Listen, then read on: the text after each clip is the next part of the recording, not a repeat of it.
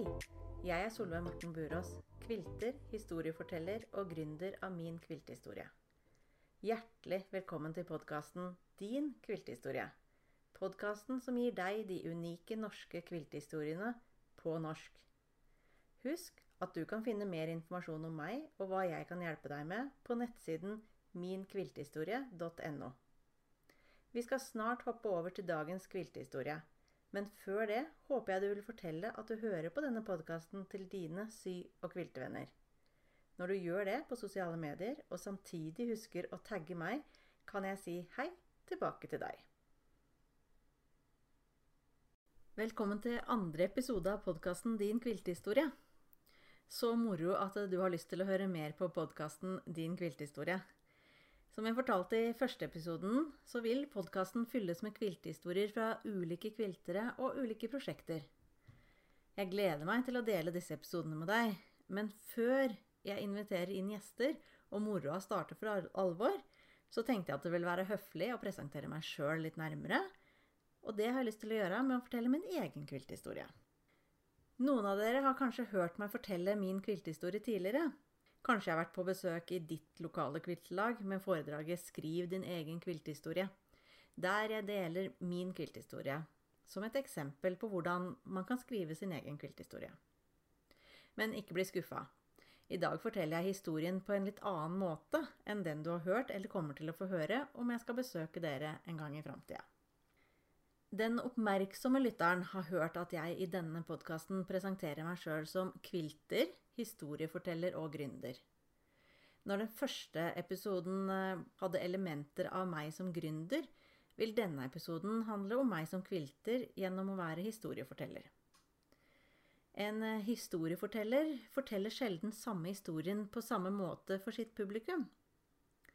Det gjør i alle fall ikke jeg, og på den måten blir historiene aldri helt like fra gang til gang. Det er på en måte et av privilegiene ved å eie sin egen historie og kunne fortelle den til andre. Du velger sjøl akkurat hvordan historien skal være denne dagen. Men jeg håper du vil kose deg med dagens episode og med min kvilthistorie. Min kvilthistorie starta på ordentlig ja, ordentlig i hermetegn, altså. Omtrent på samme tidsrommet som da jeg flytta hjemmefra på ordentlig. Også litt i hermetegn. Jeg hadde spart opp penger etter sommerjobben min i et hagesenter og kunne kjøpe min første symaskin. Jeg valgte å kjøpe en FAF symaskin. En maskin jeg fortsatt savner etter at jeg solgte den noen år seinere, da jeg skulle oppgradere eller bytte til en Janome-maskin. Jeg tror jeg fortsatt ville ha satt stor pris eh, på å vært glad i FAF-maskinen min om jeg hadde tatt vare på den. Som en kursmaskin, kanskje hatt på hytta, ja, som en ekstramaskin når jeg skulle på kviltelagsmøte. Men den gangen så visste jeg dessverre ikke bedre, og maskinen ble solgt til en kar som skulle sy turutstyret sitt, eller turklærne sine. Han reiste helt fra Trondheim til Lillehammer for å få kjøpt den maskina. Eh, som eh, unge mennesker flest så flytta vi ganske ofte på oss eh, i starten. Og som regel eh, fra en liten leilighet til en litt større leilighet. Eh, med meg på flyttelasset hadde jeg alltid en god del håndarbeidsutstyr.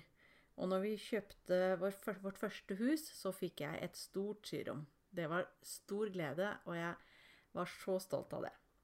Jeg brukte masse tid på å innrede det Kanskje mer eh, av den tida kunne jeg hatt glede av å sy. Jeg er heldig og har nesten alltid hatt et eget syhjørne eller et eget syrom. Men eh, de som jeg bor sammen med, de syns nok at jeg har eh, klart å fylle opp med nok stoff og utstyr opp gjennom åra. Jeg er nok truende til å synes det sjøl etter hvert også. Og jeg blir, kjenner jeg, litt, og eh, litt mer bevisst på at det er bedre å kjøpe stoff og utstyr som jeg vet at jeg trenger, heller enn det å fortsette å kjøpe stoff som jeg syns er helt fantastiske og blir forelska i der og da. Og som jeg kanskje aldri får sydd noe av. Det kommer jo stadig nye fantastiske stoffer med muligheter for å sy. Så det er jo ikke det at vi går tom for stoffer som vi har lyst til å kjøpe. Noe av det jeg har vært glad i nesten helt fra starten, det er å kunne bruke av stoffer som jeg har arva etter bestemødrene mine. De gamle stoffa og mønstra gir et annet uttrykk enn eh, mange av de nye stoffa som jeg kjøper i butikken, syns i alle fall jeg. Jeg kunne gjort dette i mye større grad, siden det har vært og fortsatt er god tilgang til stoffer i familien. Og det å gjenbruke stoffer har også et, en miljømessig gevinst i seg. Vi veit at eh, tekstilindustrien krever store ressurser og er en av de store miljøsynderne i dagens samfunn. Jeg er nesten litt sånn at jeg lurer på hvordan jeg som kvilter skal kunne bidra og sette litt mindre miljømessige fotavtrykk. Min aller første ordentlige kvilt, den sydde jeg i 1999. Det veit jeg fordi jeg har skrevet på baksida at jeg sydde den i 99. Og hvis du har lyst til å se den, så er det faktisk den kvilten som jeg har slengt over skuldra eh, på forsidebildet av denne podkasten. Og det er en eh, kvilt som har vært mye brukt, og som derfor bærer preg av at eh, den er både slitt, noen av sømma er i ferd med å rakne faktisk, og den er falma av eh, sola. Det var et av mine eldre søskenbarn som vekka nysgjerrigheten min for å starte med kvilting. Og det var også hun som lærte meg de mest grunnleggende teknikkene. Og der sammen med henne så har jeg gjennom min kvilthistorie hatt mange fine systunder og vi har vært på en eh, god del fine syturer sammen. Det var da vi flytta til Lillehammer jeg kom inn i et større og mer etablert eh, miljø. Jeg ble medlem av Lillehammer Løppelaug nesten før jeg hadde flytta hit. Men det er en egen liten historie som jeg skal spare til en annen gang. Men jeg veit at noen eh, av dere som kanskje hører på, vil humre av, av den historien når dere tenker tilbake på den. Men jeg koser meg i hvert fall fortsatt med å være en del av Lillehammer Lappelaug, og er veldig takknemlig for det fellesskapet som jeg har der. Jeg lar meg lett inspirere. Både når det gjelder det med kvilting, eh, men også på andre områder. Men i dag så skal vi snakke om det, hva som inspirerer meg når det kommer til eh, kvilting. Gjennom eh, åra så har, det, har jeg latt meg inspirere av mye forskjellig. Og det kan være alt ifra designere, teknikker, stoffer og mønster. På designsida, altså de som lager mønster eller stoffer, så var det kanskje den største og første inspirasjonskilden min eh, Trine Bakke og um, lappemakere. Jeg kom eh, til Bærums Verk og besøkte lappemakere og ble veldig fascinert. Jeg har eh, kjøpt bøkene som Trine Bakke har eh, gitt ut, og jeg har um, kost meg med å sy mange av mønstra som hun har lagd. Jeg blei nok fascinert av hvordan de brukte og satte sammen stoffer. Og så var jeg også inspirert av den litt sånn originale opprinnelsen med kvilting. Det der at eh, det var amerikansk, det skulle være tepper og tradisjonelle blokker. Og så hadde jo Lappmakeri og Trine Bakke en egen sånn snert eh, på måten de satte sammen stoffer på, som jo jeg lot meg fascinere av, og som jeg nok aldri sjøl har klart å kopiere. Men det har heller aldri vært noe mål, og jeg tenker at det ikke bør være noe mål. Men det har i hvert fall gjort at jeg har strekt meg mye, både i valg av farger og valg av mønster som settes sammen og kombineres. Ja, som jeg sa, det er mange som har inspirert meg. Og nå de siste åra så jo, er jeg også en av de som har blitt veldig fascinert av Tula Pink. Det fargesterke uttrykket som hun mm, lager. Og hun er jo også en uh, stor historieforteller. Det er moro å høre på henne når hun forteller om hvordan hun bygger opp de ulike stoffkolleksjonene sine, og hvordan hun bruker historiefortelling som eller bruker stoffa da, som en del av historiefortellinga. Og har eh, en historie til hver av stoffbita i stoffserien sin. Ja, det, det blir jeg fascinert av. Og jeg har brukt mye Tulla Pink-stoffer de siste åra, og jeg koser meg med dem. Når det gjelder teknikker, så har jeg nok fra helt fra starten hatt en eller annen idé om at eh, det å prøve ulike teknikker, det vil gjøre meg til en teknisk bedre syer eller kvilter. Eh, og derfor så har jeg vært veldig åpen for å prøve ut og teste ut ulike teknikker, og syns at det fortsatt eh, gjør meg At jeg kan lære noe nytt da, gjennom å prøve ut nye ting. Og jeg har sydd mye sånn tradisjonelle teknikker med mm, trekanter og ja, rett og slett syd, kjedesøm og sydd sammen stoffer med symaskina. Eh, men eh, jeg har aldri sydd noe logged cabin. Og det høres jo kanskje litt rart ut, at man kan gå gjennom 20 år med teknikk uten å ha sydd eh, log cabin. Men jeg tror det kommer en dag da jeg skal prøve meg på det òg. Jeg har faktisk lyst til å prøve log cabin med de nye linjalene, og så kan det hende at uh, noen tenker at det er juks, eller at det ikke er ekte, men det bryr jeg meg ikke så mye om. Jeg hører mer på dem som sier at det hjelper oss med, med, at bita blir mer nøyaktig, og at det blir enda større presisjon, da. Og det syns jeg er fascinerende. Men ja, så sydd mye på maskin. Men jeg har også sydd mye håndsøm. Jeg syns at eh, det å eh, kunne bruke, eh, sy håndsøm er det som i en travel hverdag er det jeg kanskje får produsert mest gjennom. Jeg syr både engelsk papirsøm og needletørn. Eller det som jeg kaller for nålsnu, da, applikasjon. Syns at begge deler er veldig ålreit engelsk papirsøm deler jeg ganske mye av på sosiale medier også. Så hvis du er inne der og følger meg der, så vil du gjenkjenne noe av det jeg har eh, laga der i engelsk papirsøm. Men jeg har også lagd en del kollasjer. Jeg er eh, inspirert og fascinert av eh, Laura Heine sine kollasjbilder og sin teknikk. Og jeg har fått lov å være på kurs med henne eh, to dager. Og tror det var to av de Ja, jeg følte at jeg var i himmelriket i to dager. Vi bare koste meg og lærte masse. Hun delte smått og stort om hvordan hun tenkte, hvordan hun bygde opp, og helt teknisk hvordan hun lagde kollasjene sine. Så det syns jeg er um, veldig morsomt å holde på med. Men jeg lar meg også inspirere av stoffer og mønster. Og jeg går ofte jeg inn i en sybutikk og tenker at uh, for et uh, vakkert stoff. Det må jeg bare ha, og så tar jeg det med meg. Det som jeg kanskje gjort an gjør annerledes i dag enn det jeg gjorde for 10-15 år siden, det er at når jeg finner et stoff som jeg liker veldig godt, så kjøper jeg gjerne en halvmeter eller en meter, og så plukker jeg også ofte med meg et par basisstoffer, sånn at jeg lettere kan få brukt stoffet seinere.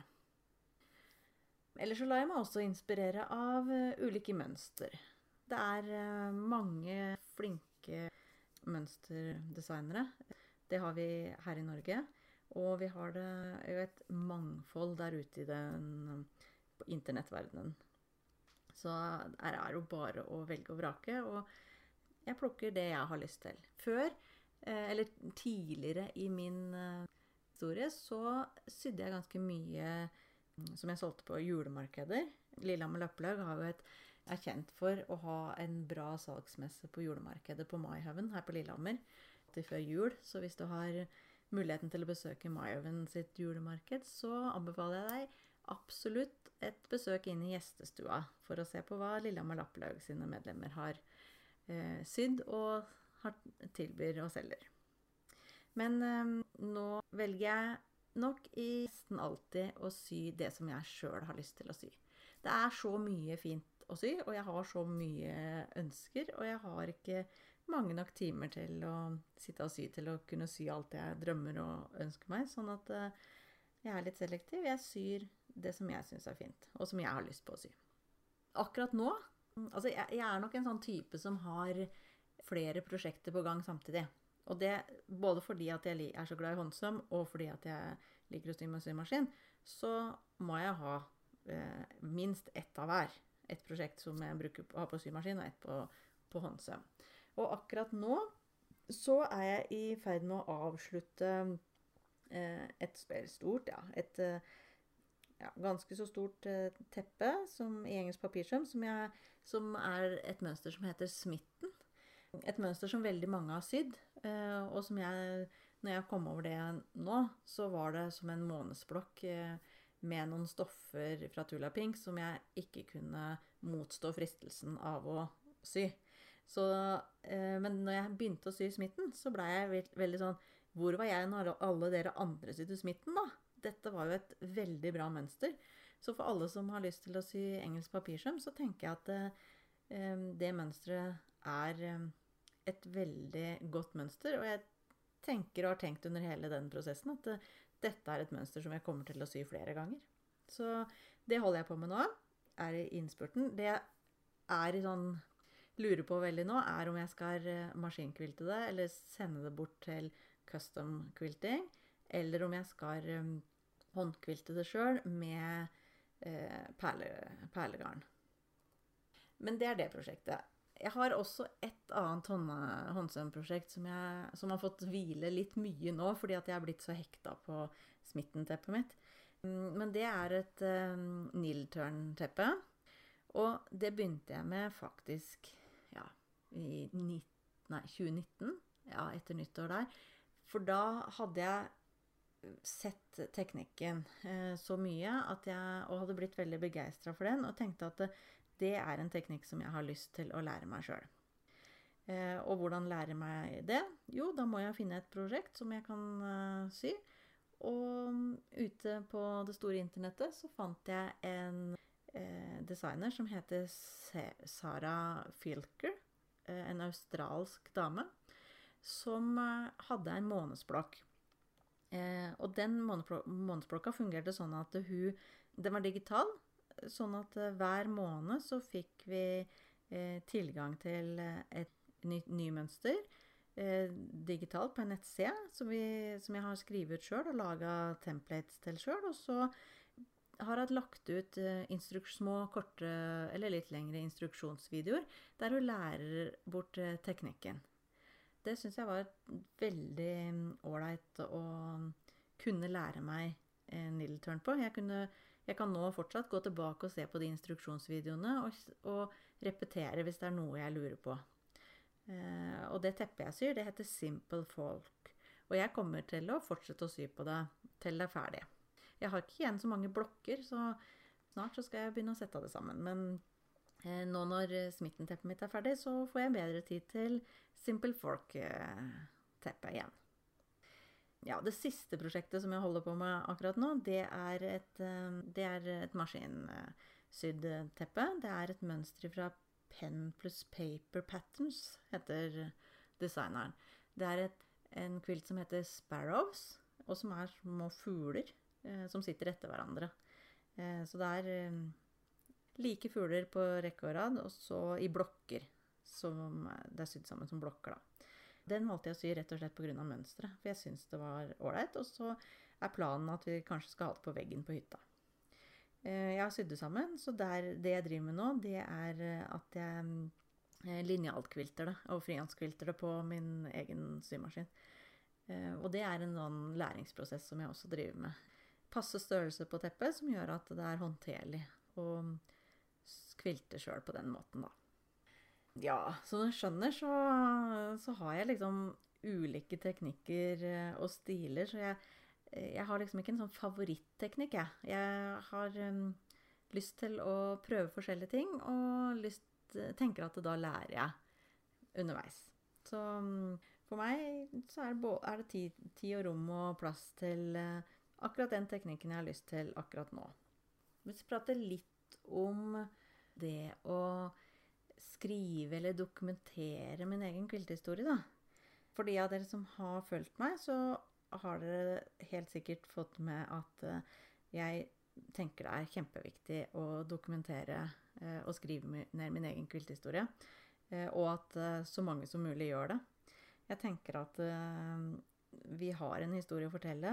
Vi skal ta vare på um, kvinnehistorien vår. Vi skal ta vare på tekstil- eller håndarbeidshistorien vår i Norge eh, gjennom den eh, tidsalderen som vi lever.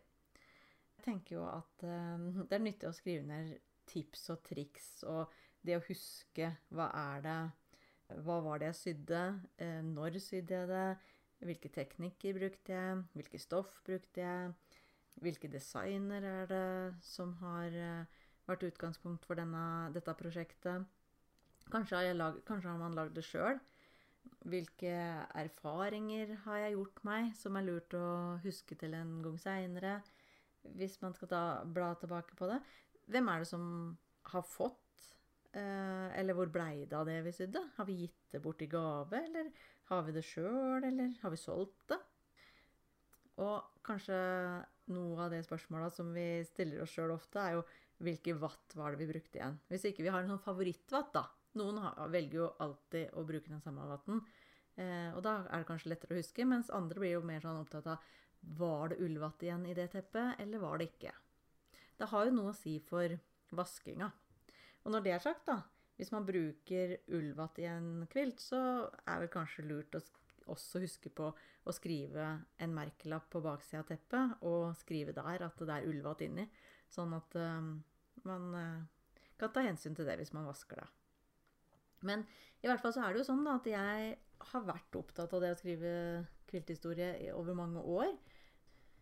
Men jeg har på en måte ikke helt fått det til. Prøvd å skrive litt for fri, fritt, og så blei det aldri noe mer ut av det. Og så, for et par år siden nå, da, så lagde jeg ei egen prosjektbok. Sånn at jeg nå kan skrive ned det som jeg trenger å ta vare på. Eh, men, eh, og ta bilder. Limer inn stoffbiter. Skriver ned hvilke erfaringer jeg gjør meg med den teknikken som jeg har brukt nå. Sånn at eh, hvis jeg vil bruke den samme teknikken seinere, så kan jeg bla tilbake til det. Og ikke minst at jeg også tar vare på de historiene som ligger i prosjektet.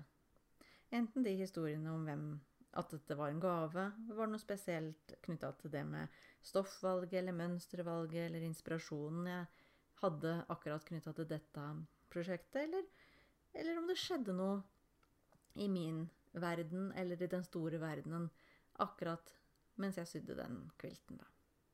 Så, så, jeg er ivrig på det med å ta vare på å skrive ned eh, kvilthistoriene. Jeg tenker liksom at denne episoden intervjuer jeg meg nesten litt sjøl. Eh, sånn at jeg noen, bruker noen spørsmål som jeg tenker at jeg har lyst til å spørre andre kvilter om også. Og et av de spørsmåla, er eh, om jeg har noen tips eller noen råd som jeg ville gi til deg som kanskje ikke er, er en kvilter, eller som kanskje lurer på hva er, det, hva er denne kviltinga, lappteknikken, er for noe? Og er det noe for meg, eller hva, hvorfor skulle jeg begynne med det? Eller om jeg har noen tips eller råd til deg, da. Og da tenker jeg at uh, her er det et uh, Det er et så det er så store muligheter for å kunne være kreativ.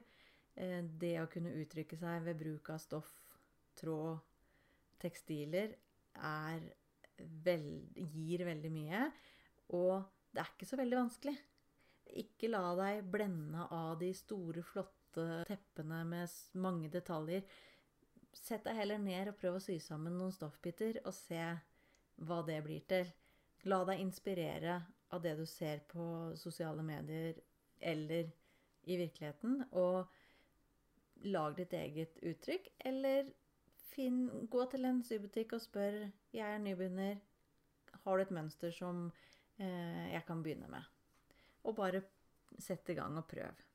Det var i grunnen eh, det jeg hadde lyst til å dele fra min kvilthistorie i dag. Håper at du syns at det, var ålreit. Og skulle du ha noen spørsmål til meg, altså lure på noe som eh, om min kvilthistorie, så send meg gjerne en, eh, en melding enten på, mm, de, enten på, Facebook eller Instagram, eller en e-post. Og mm, som jeg sier også i avslutningen på hver episode, så finner du meg på Facebook. Der har jeg en egen Facebook-side som heter Min kviltehistorie.